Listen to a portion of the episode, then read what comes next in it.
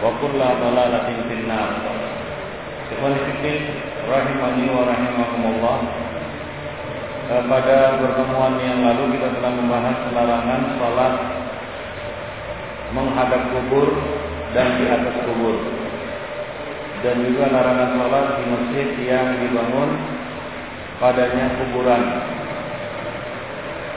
dapat kita simpulkan dari uh, kajian ataupun pertemuan yang lalu poin-poin berikut ini. Yang pertama adalah menurut pendapat yang sahih salat menghadap kubur dan di atas kubur itu dilarang. Walaupun kuburnya cuma tunggal atau satu, tidak ada kubur lain di situ. Ya. Walaupun kuburannya itu cuma satu dan tidak ada kuburan-kuburan lain di sekitarnya. Kemudian yang kedua, Ibn menurut pendapat yang sahih, larang e, dilarang salat di masjid yang di sekitarnya terdapat kuburan. Di sekitar masjid itu atau di sekeliling masjid itu terdapat kuburan. Walaupun kuburan itu bukan berada di dalam masjid. Jarang kita temukan ada kuburan di dalam masjid, walaupun ada ya. Saya sendiri pernah menyaksikannya di Rawalpindi Pakistan. Itu kubur memang betul-betul di dalam masjid, bukan di halamannya. Dan lebih parah lagi di kiblat masjid, di mihrab itu di situ dikuburkan di dalam masjid. Nah, itu lebih-lebih lagi, ya lebih keras lagi larangannya. Nah, jadi menurut pendapat yang sahih, salat juga dilarang di masjid yang sekitarnya terdapat kuburan. Hingga dibuat haid dinding yang memisahkan antara masjid dan perkuburan. Dalam hal ini kita sudah jelaskan bahwa dinding masjid, ini dinding masjid, itu tidak cukup sebagai penghalang antara masjid dan kuburan. Harus ada dinding lain yang memisahkan antara keduanya. Itu yang kedua. Yang ketiga, larangan salat di masjid yang dibangun atasnya kuburan atau dibangun padanya kuburan atau terdapat kuburan di sekitarnya itu berlaku secara mutlak. Fikul lihal dalam setiap kondisi. Baik itu kuburan ada di depan, ada di samping, kanan maupun kiri maupun di belakang. Dan lebih keras lagi apabila kuburan itu ada di depan masjid. Maka menurut pendapat yang paling sahih adalah salat tidak sah dan harus diulang. Diketahui maupun tidak diketahui. Dan lebih ringan uh, hukumnya ataupun urusannya jika kuburan-kuburan itu tidak berada di depan masjid, misalnya di kanan dan kiri atau di belakang. Yang keempat, yang menjadi patokan dalam larangan salat di atas kubur atau salat menghadap kubur adalah al-kubur az-zahirah. Ini juga sudah dijelaskan ya. Al-kubur zahirah maksudnya kubur yang nampak. Adapun apa-apa yang tersembunyi di dalam perut bumi ya dari orang-orang yang mungkin mati di dalamnya la yartab la yartabitu bihi al-hukm syar'i aslawi. Ini tidak ada kaitannya dengan hukum syar'i. Misalnya contohnya ya kita tidak tahu bahwasanya mungkin di halaman itu di bawahnya kalau dikorek-korek ada ada apa? Ada mayat, tapi tidak ada kubur di situ. Jadi yang menjadi patokan adalah kubur yang zahirah yang nampak itu kuburan. Demikian Ibnu Fiddin rahimani wa rahimakumullah jami'an. Karena Allah Subhanahu wa taala telah menjadikan perut bumi itu sebagai tempat untuk bermukim orang-orang mati di antara kamu dan atas bumi itu untuk orang-orang yang hidup. Ya, demikian. Allah demikian. Allah Subhanahu wa taala mengatakan alam naj'alil arda kifatan ahya'an wa amwata. Ahya'an wa amwata. Yang hidup maupun yang mati. Asy-Syabi menafsirkannya sebagai berikut. Beliau mengatakan batnuha li amwatikum wa zahruha li ahya'ikum. Ya bagian atasnya itu untuk orang-orang hidup di antara kamu dan bagian bawahnya itu untuk orang-orang mati di antara kamu. Yang kelima, nah ini yang tambahan dari uh, kajian yang telah kita bahas kemarin, termasuk larangan sholat menghadap kubur adalah as-salatu alal janazah wa hiya fi qiblatil musallin. Salat menghadap jenazah yang mana jenazah itu ada di hadapan kiblat atau di arah kiblat orang-orang yang salat. Nah, ini biasa terjadi ketika jenazah akan disolatkan di masjid. Misalnya Salat jenazah akan dilaksanakan sesudah salat zuhur. Ya, kemudian jenazah itu dimasukkan ke dalam masjid dan diletakkan di bagian kiblat atau bagian depan. Sehingga orang-orang yang mengerjakan salat wajib menghadap mayat tersebut, jenazah tersebut. Ya, atau diletakkan di luar. Nah, ketika selesai salat, Ya, ketika orang-orang mengerjakan sholat sunat itu jenazah dimasukkan ke dalam.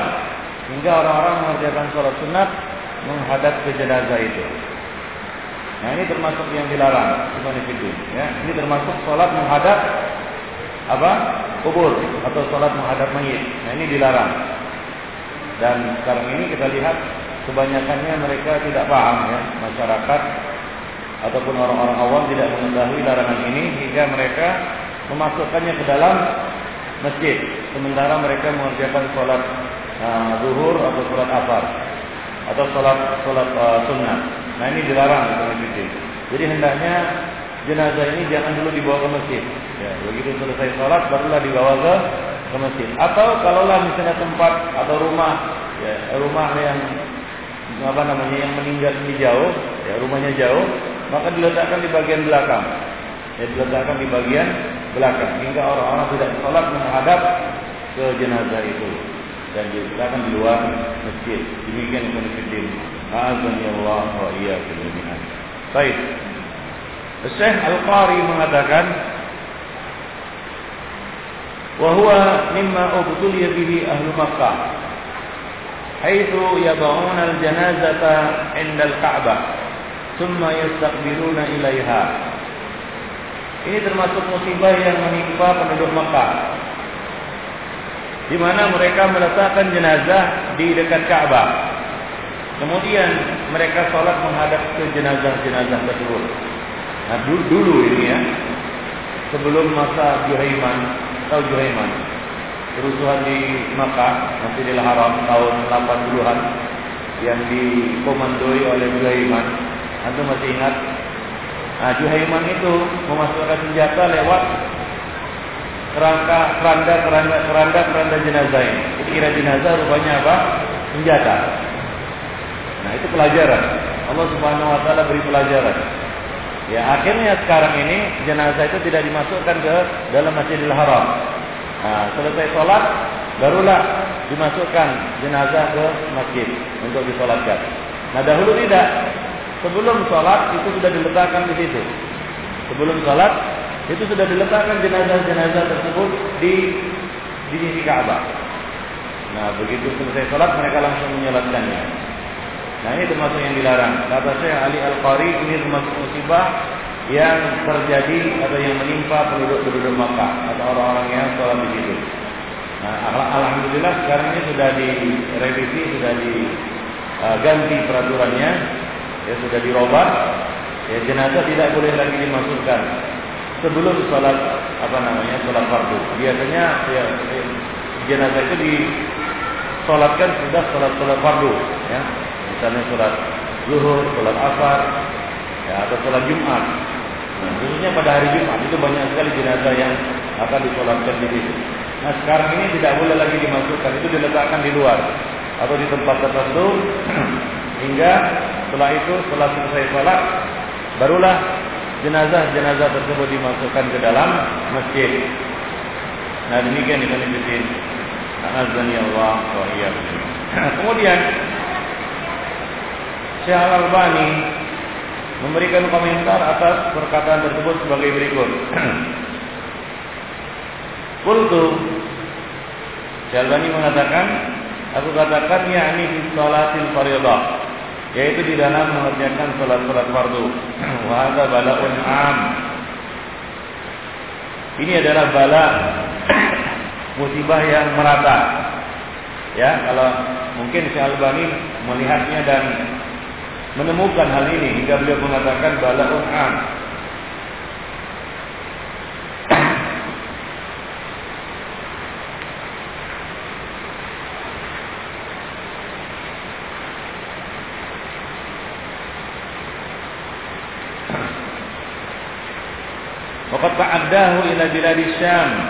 Wal Anadul wa ghair wa ghairiha dan sudah menular ke negeri Syam dan sekitarnya.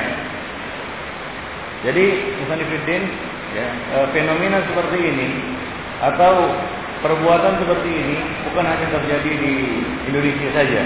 Bahkan lebih dulu mungkin terjadi di sudah terjadi dan sudah ada di eh, apa namanya di Jazirah Arab, di Syam, Damaskus dan sekitarnya.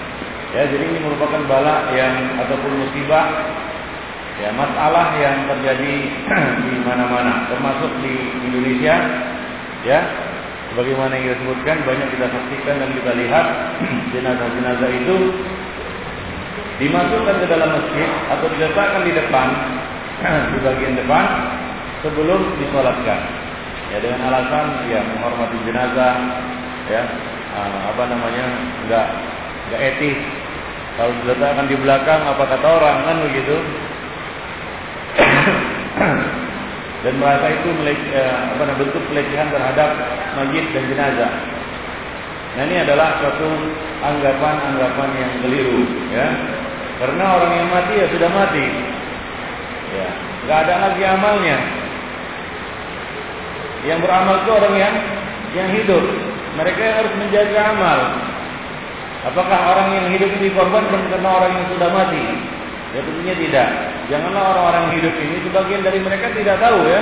Ternyata tiba-tiba sudah dimasukkan itu jenazah di dalam masjid. Ini kan banyak yang korban. Ya korbannya adalah orang-orang yang hidup yang sholat di situ. Mereka sholat menghadap ke jenazah itu. Nah demikian itu. Wakat wakafna mundu syahrin. Ya, sebulan yang lalu kata beliau, aku melihat surah Samsiyah, satu foto qabihatun jiddan yang sangat buruk sekali pemandangan dalam foto itu. Apa itu? Sama dalam safan minal musallin. Di dalam foto itu ada satu saf orang-orang yang salat. Sajidina tujahan nu'usin masfufatin amamahum. Lalu mereka sujud menghadap nu'us. Nu'us itu keranda-keranda. Keranda-keranda itu di hadapan mereka. Berbaris keranda-keranda itu di depan mereka. Fiha jusatun jamaah minat atraf. Di dalam keranda-keranda itu ada uh, apa namanya eh, korban-korban. Uh, ya orang-orang Turki kanu matu gharaqan fi yang mati tenggelam kapalnya tenggelam. Jadi korban-korban kapal tenggelam ini itu ditaruh di depan kemudian orang-orang sujud ya, tentunya ini bukan sholat jenazah tapi sholat fardu mereka sujud menghadap ke keranda-keranda itu, menghadap keranda-keranda tersebut. Nah demikian itu ini satu ya kita katakan uh, contoh larangan atau bentuk-bentuk yang terjadi pada masa sekarang ini di mana orang-orang memasukkan jenazah-jenazah atau keranda-keranda jenazah yang isinya jenazah ke dalam masjid. Baik, dan itu termasuk perkara yang dilarang. وبهذه المناسبة نلفت النظر إلى أن الغالب من هديه هو الصلاة على الجنازة في المصلى خارج المسجد dan dalam kesempatan ini perlu kita perhatikan bahwasanya petunjuk Rasulullah adalah mengerjakan sholat jenazah atau melakukan sholat jenazah itu di musola di luar masjid. Kalau dahulu itu di sebelah timur masjid Nabawi itu ada satu tempat khusus untuk mengerjakan sholat jenazah. Nah, bagusnya seperti itu. Walaupun kita katakan boleh mengerjakan atau melakukan sholat jenazah di dalam masjid berdasarkan hadis Aisyah radhiyallahu anha. Boleh. Akan tetapi lebih baik apabila sholat jenazah itu dilakukan di luar masjid di tempat khusus yang disediakan untuk mengerjakan sholat jenazah. Nah demikian. Ya sekarang ini kita lihat jarang masjid-masjid yang menyediakan ataupun tempat-tempat khusus untuk mengerjakan atau disebut musola tempat mengerjakan sholat jenazah. Ya, di beberapa negeri Ya di antaranya di Pakistan itu di beberapa perkuburan itu disediakan musola. Nah di situ nanti disolatkan orang-orang yang uh, jenazah-jenazah yang akan disolatkan. Jadi musola itu. Nah demikian itu Filipin. Alhamdulillah wa Baik. ولعل من حكمة ذلك إبعاد المصلين عن الوقوف في مثل هذه المخالفة dan barangkali salah satu hikmahnya adalah agar orang-orang yang sholat dapat terhindar dari pelanggaran seperti ini. Ya, pelanggaran-pelanggaran seperti yang kita sebutkan tadi. Allati nabah 'alaiha al-'allamah al-qari rahimahullah yang telah diingatkan tadi oleh Syekh Al-Allamah Ali Al-Qari. Ya, semoga Allah Subhanahu wa taala merahmati beliau. Nah demikianlah ikhwan fillah rahimani wa rahimakumullah jami'an.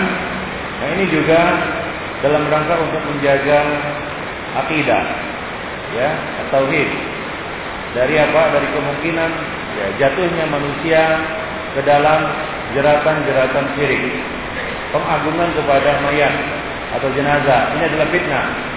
Khususnya di negeri ini yang namanya jenazah itu kayaknya apa namanya keramat atau uh, yang diagungkan ataupun orang takut.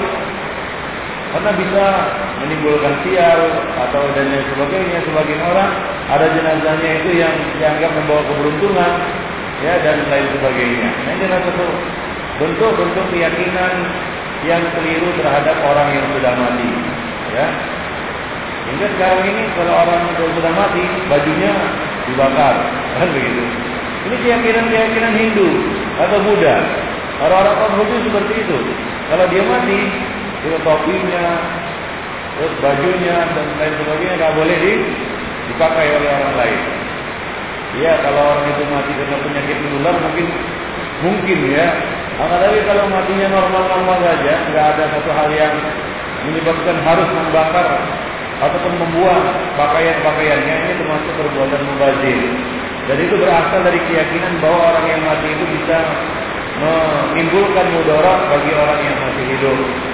Ya seperti nah, kalau matinya malam apa namanya malam Selasa atau malam Rabu itu akan membawa, nah, katanya akan apa namanya akan membawa keluarganya dan keyakinan-keyakinan seperti itu masih berkembang di tengah-tengah masyarakat kita. Ya, nah oleh karena itu hendaklah ditutup semua kemungkinan, semua jalur dan semua jalan yang bisa mengarah kepada uh, pengagungan terhadap jenazah. Pengagungan terhadap jenazah. Wallahu taala. Baik, itu Itulah dia kesimpulan berkaitan dengan larangan salat menghadap kubur dan salat di atas kubur. Nah berikutnya, poin yang berikutnya adalah takhsisu makanin lis-salati fil masjid. Larangan mengkhususkan tempat tertentu di dalam masjid untuk salat. Nah, sebagian orang ada yang membuat kapling atau memesan tempat tertentu di dalam masjid yang mana dia tidak salat kecuali di tempat itu. Ada itu. Dan sebagian orang ini tempatnya khusus itu. Nah, orang lain kalau mengambil tempat itu maka harus disingkirkan, diusir. Karena si empunyanya atau pemiliknya datang. Nah ini dilarang. Yukrahu kecuali imam. Ya imam ya tempatnya ada khusus. Enggak mungkin dia di situ dan di di ujung sana. Dan enggak mungkin juga imam diletakkan di di belakang. Imam itu ada tempat khusus. Dia enggak ber, berubah, enggak bergerak dari tempatnya itu yukrahu li ghairi imam iltizamu makan khasin fil masjid. Dimakruhkan bagi selain imam untuk mengambil tempat khusus di dalam masjid. La yusalli al-fardha illa fihi. Dia tidak mengerjakan salat fardu kecuali di tempat itu. Dalilnya adalah hadis Abdurrahman bin Sibil. Dia berkata, Naha Rasulullah sallallahu alaihi wasallam an nuqratil ghurab Rasulullah Shallallahu Alaihi Wasallam melarang salat seperti pasukan burung gagak. Yaitu burung gagak termasuk makanannya, yaitu rukuk dan sujud tanpa tumanina. Wa iftirasus sabah dan duduk seperti duduknya binatang buas. Wa an yuwattina ar-rajul al-makana bil masjid kama yuwattinul ba'ir. Dan seseorang yang mengambil tempat khusus di dalam masjid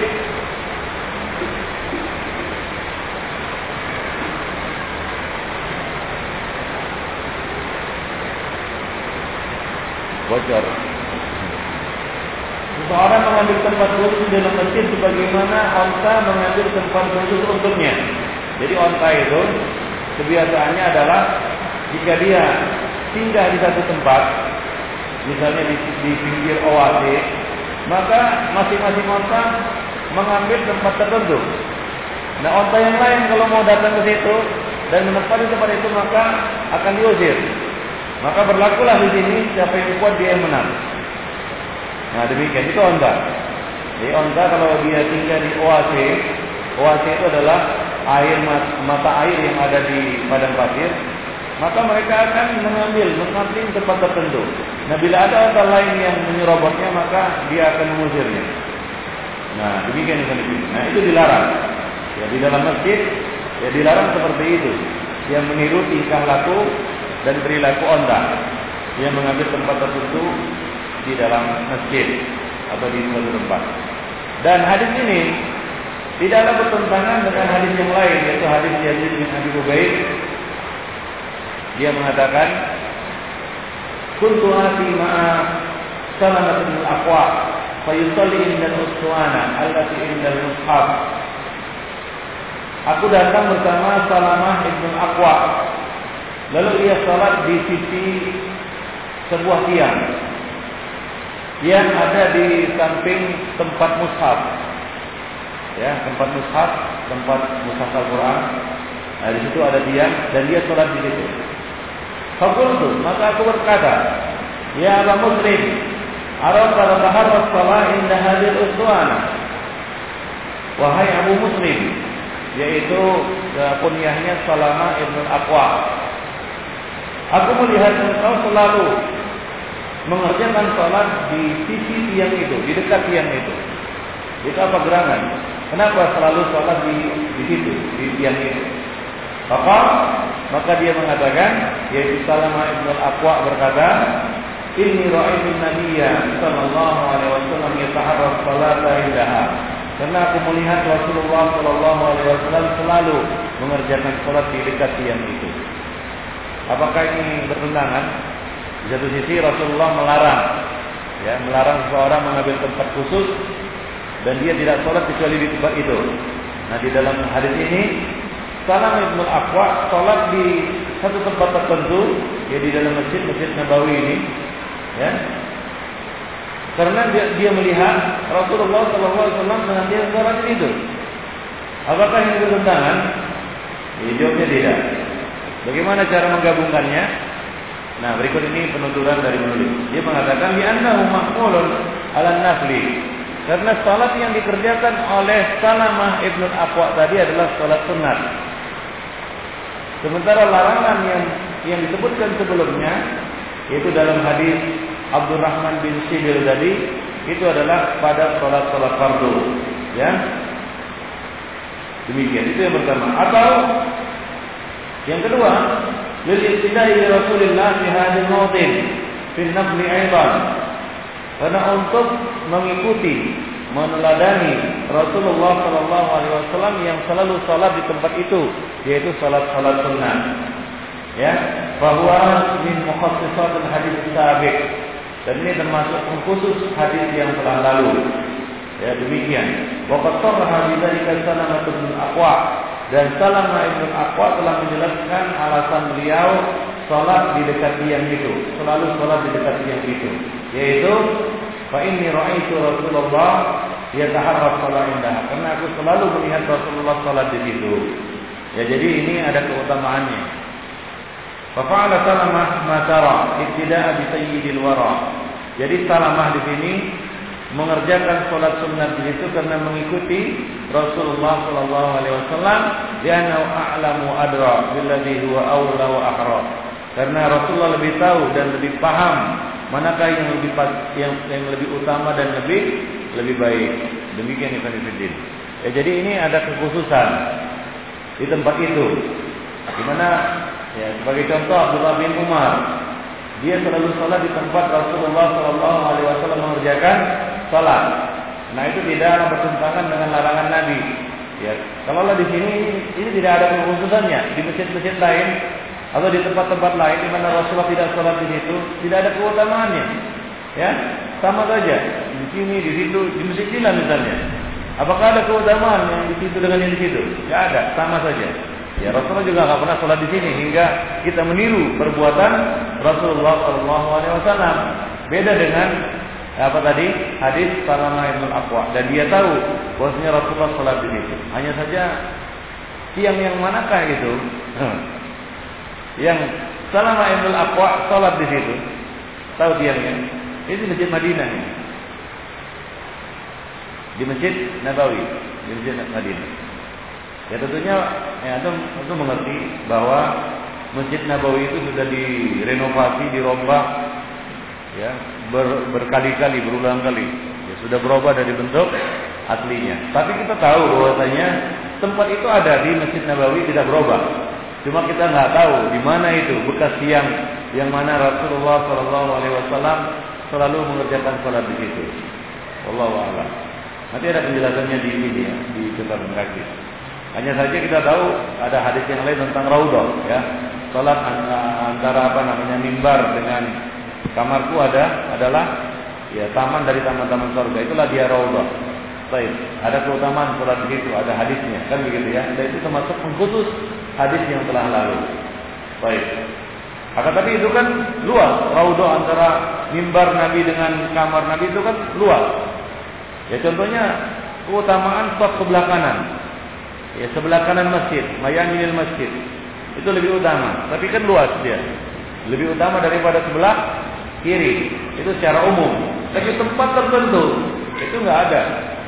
Kecuali yang disebutkan tadi, tiang satu tiang di masjid di Masjid Nabawi di mana Rasulullah senantiasa mengerjakan atau banyak mengerjakan sholat di situ yang oleh Salamah bin Aqwa Beliau ikuti perbuatan Nabi itu.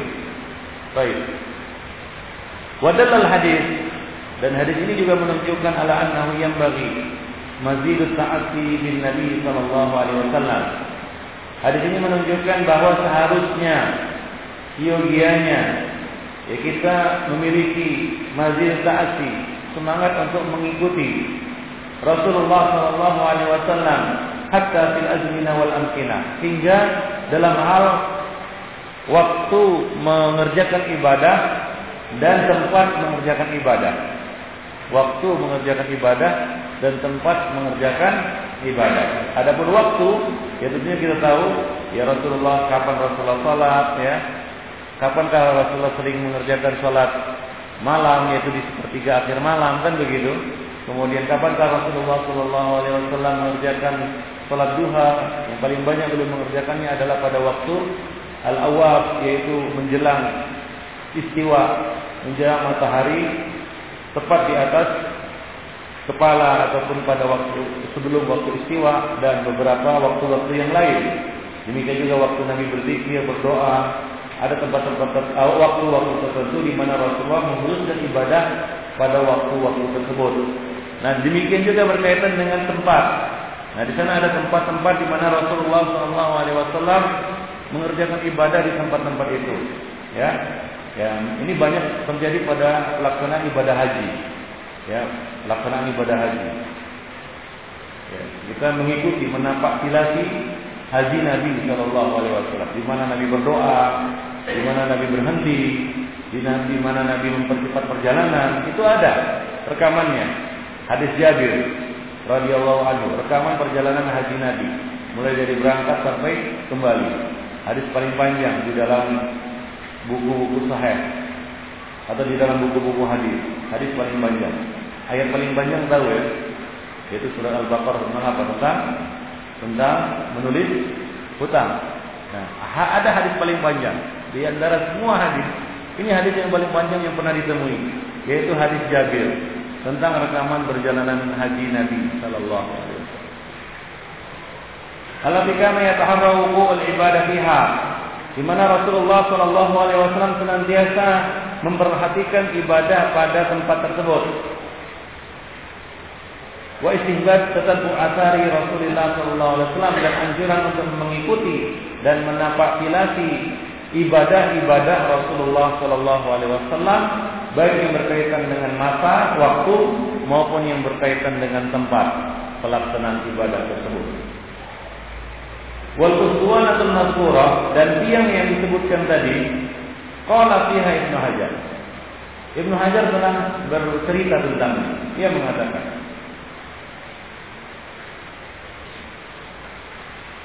Haqqaqalana ba'du masyayihina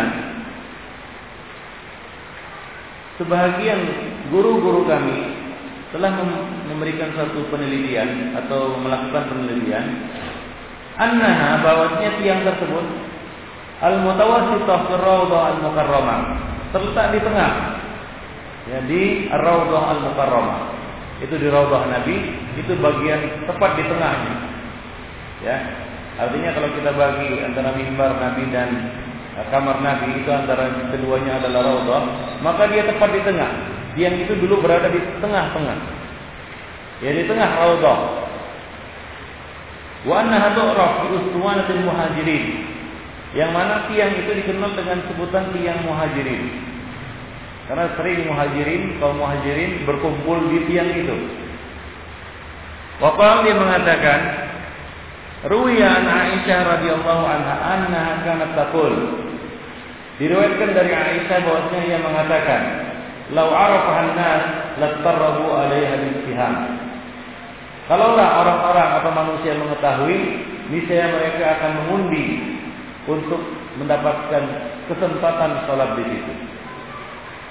Ini menunjukkan bahwa ya kemungkinan besar ya setelah zaman-zaman ya berlalunya masa-masa ya apa namanya sahabat tiang itu sudah diadakan sudah nggak nampak lagi di mana tiang itu sudah dirubah atau di, di di, di, digeser tempatnya. Ya, demikian Ibnu. Wa annaha astaratha astarat astaratha ila ila Ibn Zubair. Faqala yaqulu salah indaha. Dan Aisyah astaratha ila Ibn Zubair. Membongkar rahasia ini Artinya Aisyah mengetahuinya di mana tempat itu. Tempat yang itu di mana Rasulullah selalu sholat di situ. Dan orang-orang pada nggak tahu. Ini akhirnya manusia ataupun orang-orang kaum muslimin pada masa Aisyah itu sudah tidak mengetahui lagi di mana tiang itu. Nah, Aisyah membo mem, apa namanya? membocorkan rahasia ini atau memberitahu rahasia ini kepada siapa? Abdullah bin Az-Zubair. Ya fakana terus sholat indah. Maka Abdullah bin Zubair banyak mengerjakan sholat di situ. Banyak mengerjakan sholat. Kanu yajtami'una indaha akhwan, thumma wajadtu dzalika fi tarikh al-Madinah Ibnu Najjar. Kemudian aku dapat riwayat itu di dalam Tarikh Al-Madinah tulisan Ibnu Najjar. Ditambahkan di dalamnya, innal muhajirina min Quraisy kanu yajtami'una indaha. Ya bahwasanya pada tiang itu dulu di tiang itu orang-orang muhajirin, muhajirin Quraisy yaitu kaum muhajirin banyak yang ya, apa namanya berkumpul di tiang tersebut. Jadi tempat mengumpulnya kaum muha, muhajirin dahulu. Baik Fitin. Wa dzakarahu qablahu Muhammad bin Hasan fi Akhbar Madinah. Dan sebelumnya juga sudah disebutkan oleh uh, Muhammad bin Hasan di dalam kitab Akhbarul Madinah. Baik. Nah, di sini ada faedah. As-Safarini menyebutkan di dalam syarah Sulafiyat Al-Musnad. Dalam syarah Sulafiyat Al-Musnad. Annahu indama hajja fi 'am. Bahwasanya ketika ia mengerjakan haji pada tahun samaniyatu arba'un wa mi'atu alf. Yaitu pada tahun 1148 Hijriah. 1148 Hijriah. Qasadat salah inda hadhil uswana. Ia ingin sengaja mengerjakan sholat di tiang itu. Fawajada alaiha mihraban.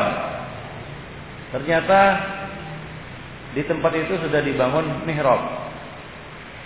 Sudah dibangun mihrab. Liyazidaha dalika wuduhan wa i'raban. Wa annahum qad akharuha akharuhu an an makana. Ya. Jadi sudah ditambahkan di situ mihrab kalau antum sekarang ke Madinah itu mihrab sudah maju ke depan ya. Maju ke depan ada mihrab itu tinggi ya. Siapa yang sudah ke sana? Baru di sana.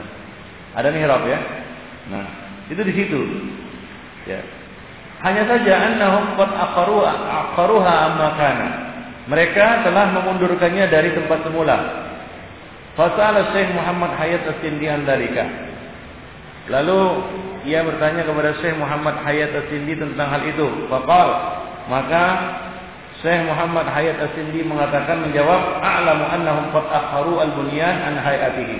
Aku tahu bahwasanya mereka telah memundurkan karena perluasan masjid, ya mereka telah memundurkan ya tempat itu atau tiang itu dari dari tempat yang sebenarnya.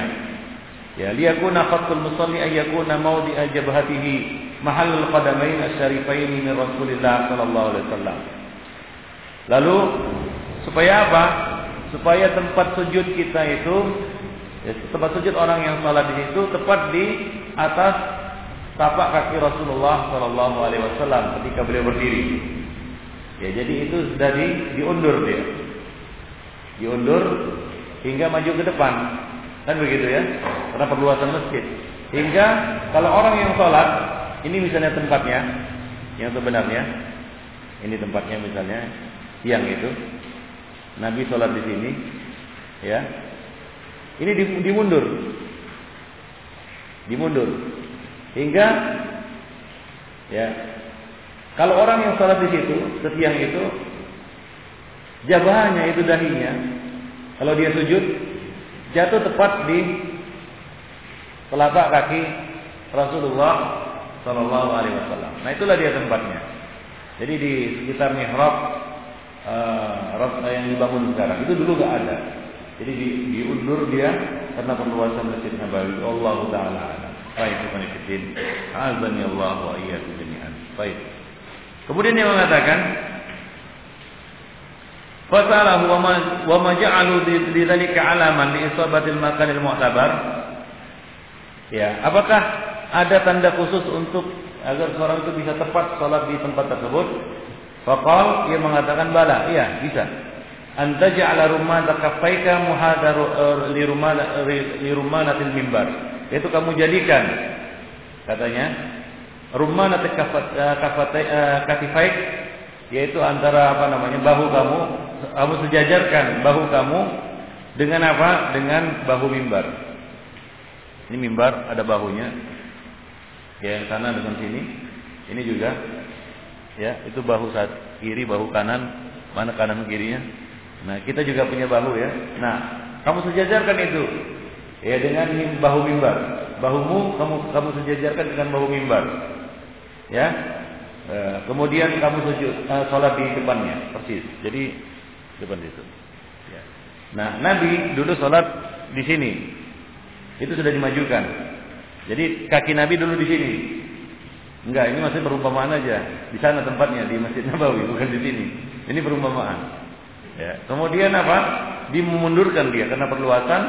Ya. Jadi dulu nabinya eh, tempatnya di sini, jadi mundur ke belakang, kan begitu.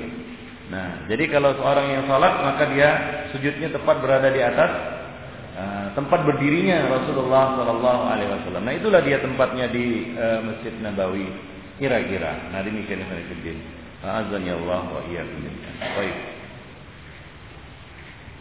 Ya ini pernah sholat di situ. Nah, persis di tempat di depan mimbar itu, mimbar. Lalu sekarang mimbarnya kan di depan itu ya. Ya, mimbarnya di depan sekarang. Baik. Tapi ini mimbar dulu sebelum maju ke depan. Ya enggak susah sekarang ini karena ini zamannya Muhammad Syekh Muhammad Hayat Asindi ini sudah berlalu tahun berapa itu? Tahun 1148. Ya. 48, 1148. Berapa kira-kira? Tahun berapa? Itu sudah berubah lagi sekarang. Ya perkiraannya tempat di mana dibangun mimbar itu mimbar yang ada sekarang inilah di situlah dia tempatnya. Hingga susah untuk sholat di situ lagi karena itu sudah dibangun mimbar di situ. Wallahu a'lam. Nah demikian ya Khanifuddin. Azani Allah. Baik.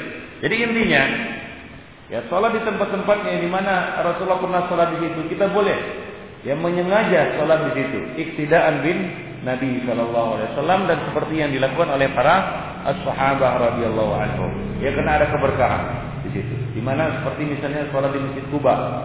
Ya kita dianjurkan untuk menziarahi Masjid Kuba sebagaimana Rasulullah menziarahinya.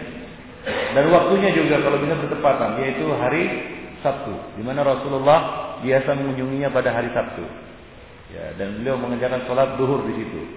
Nah, kalau bisa ya seperti itu, iktidaan bin Nabi Sallallahu Alaihi Wasallam untuk mengikuti apa? E, menapak tilasi ibadah Rasulullah SAW di dalam ibadah-ibadah yang sifatnya sunnah. Demikian itu Fiddin rahimani wa rahimakumullah. Baik. Ya. Wa qawluhu sallallahu alaihi wasallam fil hadis sabiq dan perkataan Nabi sallallahu alaihi wasallam pernah di dalam hadis yang telah lalu wa ayyuwatina rajulul al makana fil masjid dan agar seorang tidak mengambil tempat khusus di dalam masjid sebagaimana onta mengambil tempat khusus? Maknanya adalah la yanbaghi lirrajuli ayyattakhidha li makanan khasan fil masjid.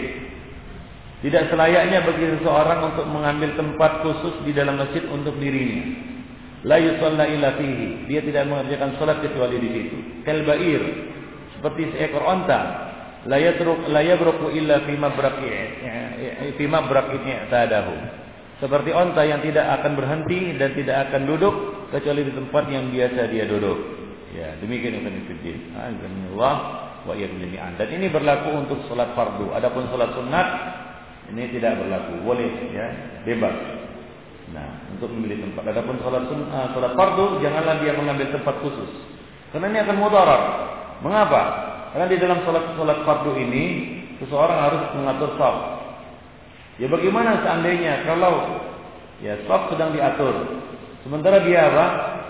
Berhalangan datang atau terlambat datang hingga kosonglah tempat itu menunggu si pulang datang yang memiliki tempat itu.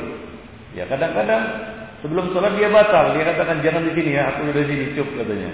Lalu dia berwuduk dan kembali di situ. Ini nggak boleh. Nah, itu untuk sholat fardu rahimani wa Dan yang terbaik adalah memperbanyak tempat sujud. Demikian pula di dalam sholat-sholat sunnah. Kecuali tempat di mana Rasulullah sholat di situ. Ini khususnya keberkahan. Karena Rasulullah sholat di situ.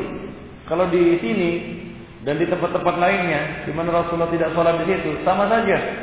Maka yang terbaik adalah memperbanyak tempat sujud. Nah, demikian pula musola-musola yang dibangun di rumah, ya Ya boleh. Apa hukumnya membangun musola di rumah? Boleh. Silakan. Tempat sholat khusus di rumah. Tapi yang terbaik adalah memperbanyak tempat sujud. Ya, jangan khusus di musola itu saja.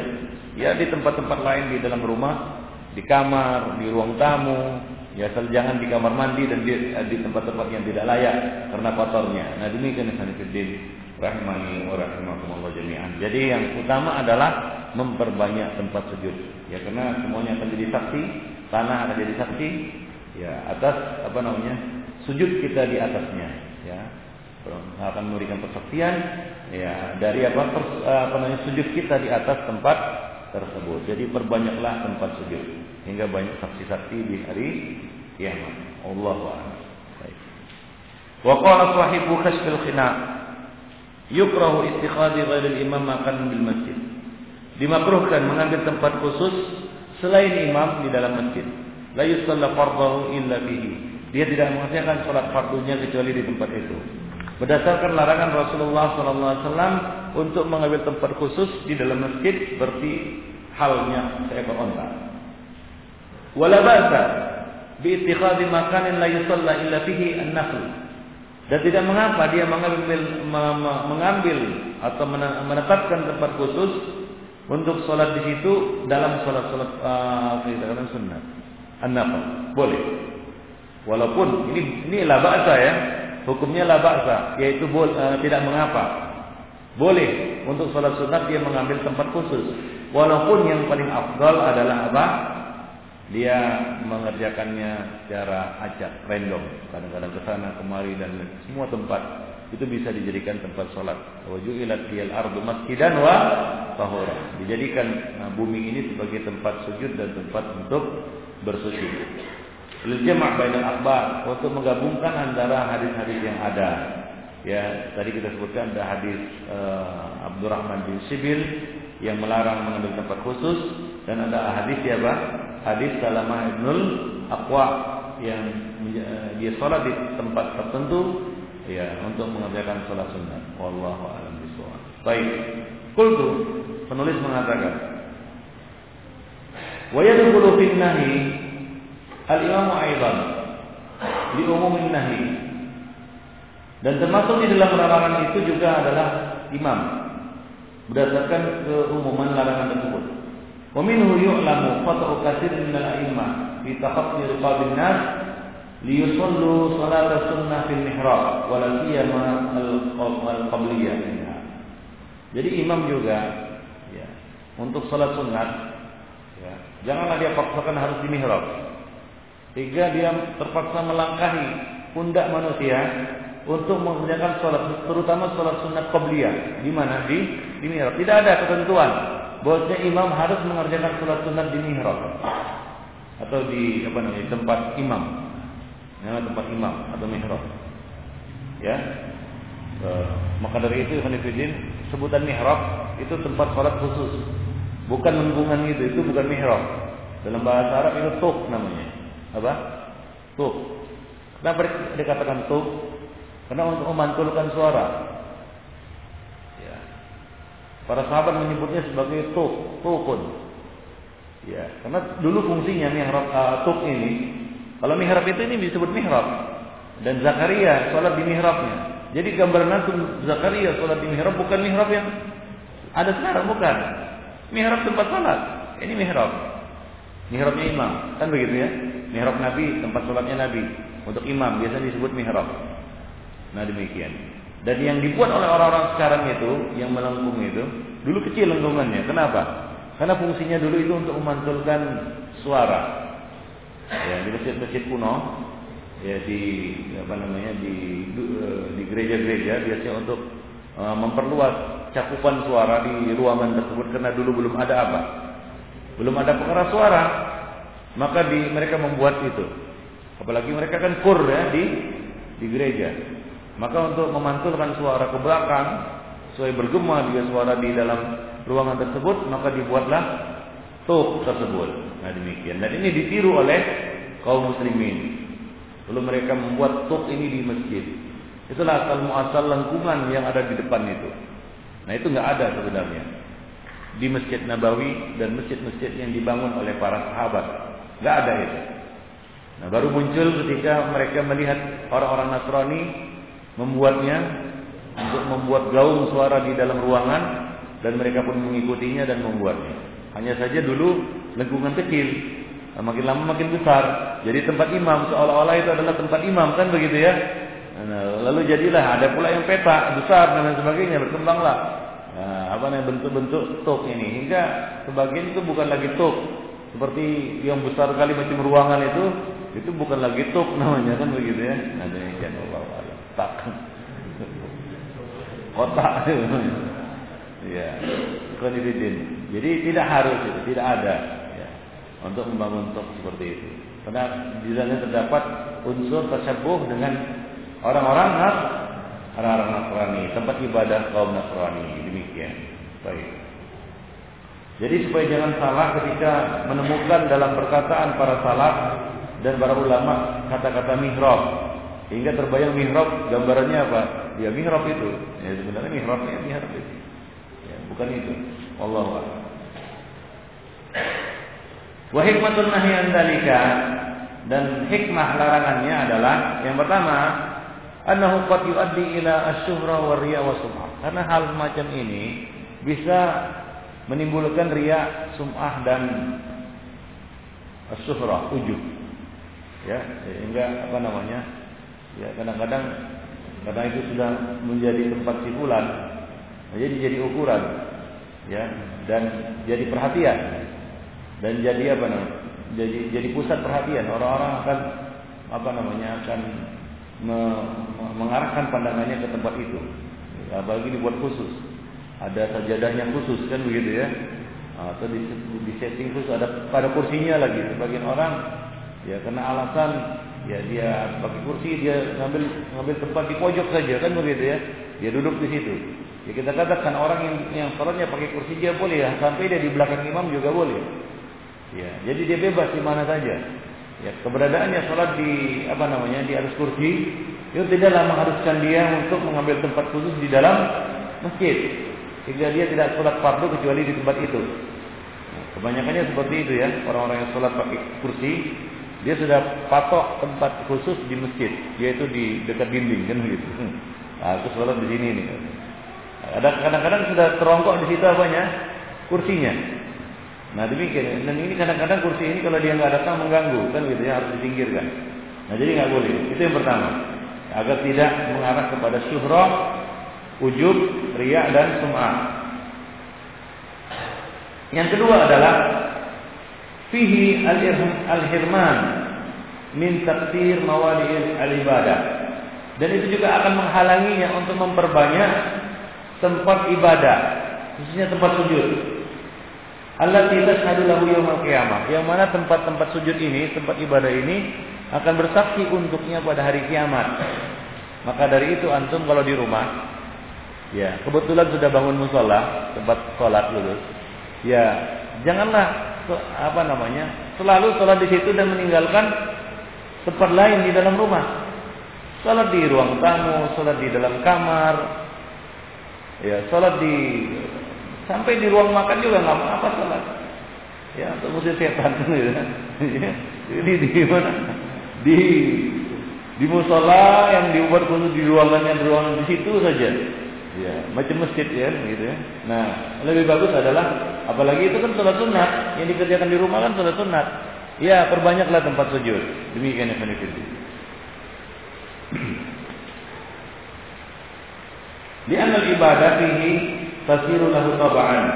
Dan ibadah itu yang, yang ketiga adalah kalau dia mengkhususkan tempat tertentu, maka sholat itu akan menjadi taba'an, kebiasaan. Watarkulu fi ghairihi dan dia akan berat untuk mengerjakan di selain tempat itu. Nah, kalau nggak dapat tempat itu malas dia. Kalau dapat tempat itu baru baru semangat. Demikian. Ya, sama seperti di rumah kalau dibuat musola khusus, kebetulan lagi direnovasi, nggak sholat sunat dia, kan gitu ya. Kenapa? Karena tempatnya lagi lagi dibongkar atau lagi kotor. Nah, jadi biasakan sholat di mana saja, hingga jadi ringan. Teringat sholat di di mana? Di ruang tamu sholat. Teringat sholat di, di ruang kerja sholat. Teringat kerja di dalam kamar sholat. Enggak harus ke mana? Ke musola itu. Nah kebetulan musolanya mungkin sedang ada barang di situ kan, atau kotor atau dan sebagainya, atau tempat di situ kebetulan lampunya mati atau hal-hal lain halangan-halangan yang mungkin ada di tempat itu hingga dia ter terurung niatnya untuk mengerjakan sholat, tertahan niatnya untuk mengerjakan sholat, gara-gara itu. Nah demikian. Jadi akan berat dia kerjakannya di tempat lain. Wal ibadat idza sarat tab'an fasabilu atar. Dan satu ibadah jika dorongannya itu adalah kebiasaan, ini bisa berujung kepada kejemuan atau bosan. Itu kalau hanya kebiasaan. Jadi harus apa namanya ya bervariasi. Sebagaimana kita sebutkan tadi, ya kemarin juga di dalam kesempatan yang lain, ya eh, puasa-puasa sunat juga ya, sholat-sholat sunat itu kalau bisa dilakukan secara variatif, ya kan? Nah, ibadah itu semakin bervariasi, semakin semakin apa namanya, semakin bagus, semakin bertahan dia. Kenapa? Karena mengusir rasa bosan dan jemu di dalam mengerjakannya. Tapi kalau itu itu saja terus terus seperti itu, maka lama kelamaan juga apa? Juga bosan, kan begitu. Nah, ini, sorry. Nah itulah dia Ikhwanifidin eh, pertemuan kita pada hari ini berkaitan dengan uh, larangan salat di tempat khusus ya uh, di dalam masjid untuk mengerjakan sholat fardu. Dan anjuran untuk memperbanyak apa? Tempat sujud atau tempat sholat. Nah berikutnya ini masalah yang tidak kalah pentingnya nanti akan kita bahas secara panjang lebar yaitu kesalahan orang yang sholat berkaitan dengan sutra. Nah ini dia sutra. Nah ini satu masalah yang paling banyak dilanggar sekarang ini oleh kaum muslimin. Yang kita sedihnya anak-anak. Anak-anak, kenapa orang-orang dewasa itu enak saja dia melenggang di depan orang yang salat? Kenapa? Karena sejak anak-anak nggak dilarang. Coba lihat anak-anak sekarang. Ya kecuali yang sudah dikasih tahu lah sama orang tuanya kan gitu ya. Di pesan-pesan atau diwanti-wanti sama orang tuanya, nak jangan lewat di depan orang salat. Coba lihat anak-anak orang-orang awam, anak-anak umum. Dia lewat saja dia melenggang saja. Gak akan dilarang sama orang tuanya. Malah disuruh kalau lewat gini gitu ya. Ya dia juga nurut aja dia gitu. Jadi nggak merasa salah. Yang salah itu kalau nggak nunduk ini ini gitu. Kalau nunduk ini boleh. Ya orang tuanya juga seperti itu. Nah, nunduk ini lewat gitu. Nggak ngerti dia. Nah ini masalah. Nanti akan dibahas pada pertemuan yang akan datang. Jadi kesalahan yang terjadi sekarang ini itu akibat salah didik dahulu kan begitu ya. Yang dahulu juga salah didik ya, begitu. Nah, jadi ini perlu ditanamkan secara massal. Ya, apa namanya secara umum. Ya, mulai dari anak-anak ini. Ya, mulai dari anak-anak harus terbiasa dia untuk tidak lewat di hadapan orang yang salat. Nah, ini dia yang penting. Kadang-kadang kalau yang sudah berkarat, orang tua kita marah, kita kita kita sampaikanlah hal ini marah dia kan gitu.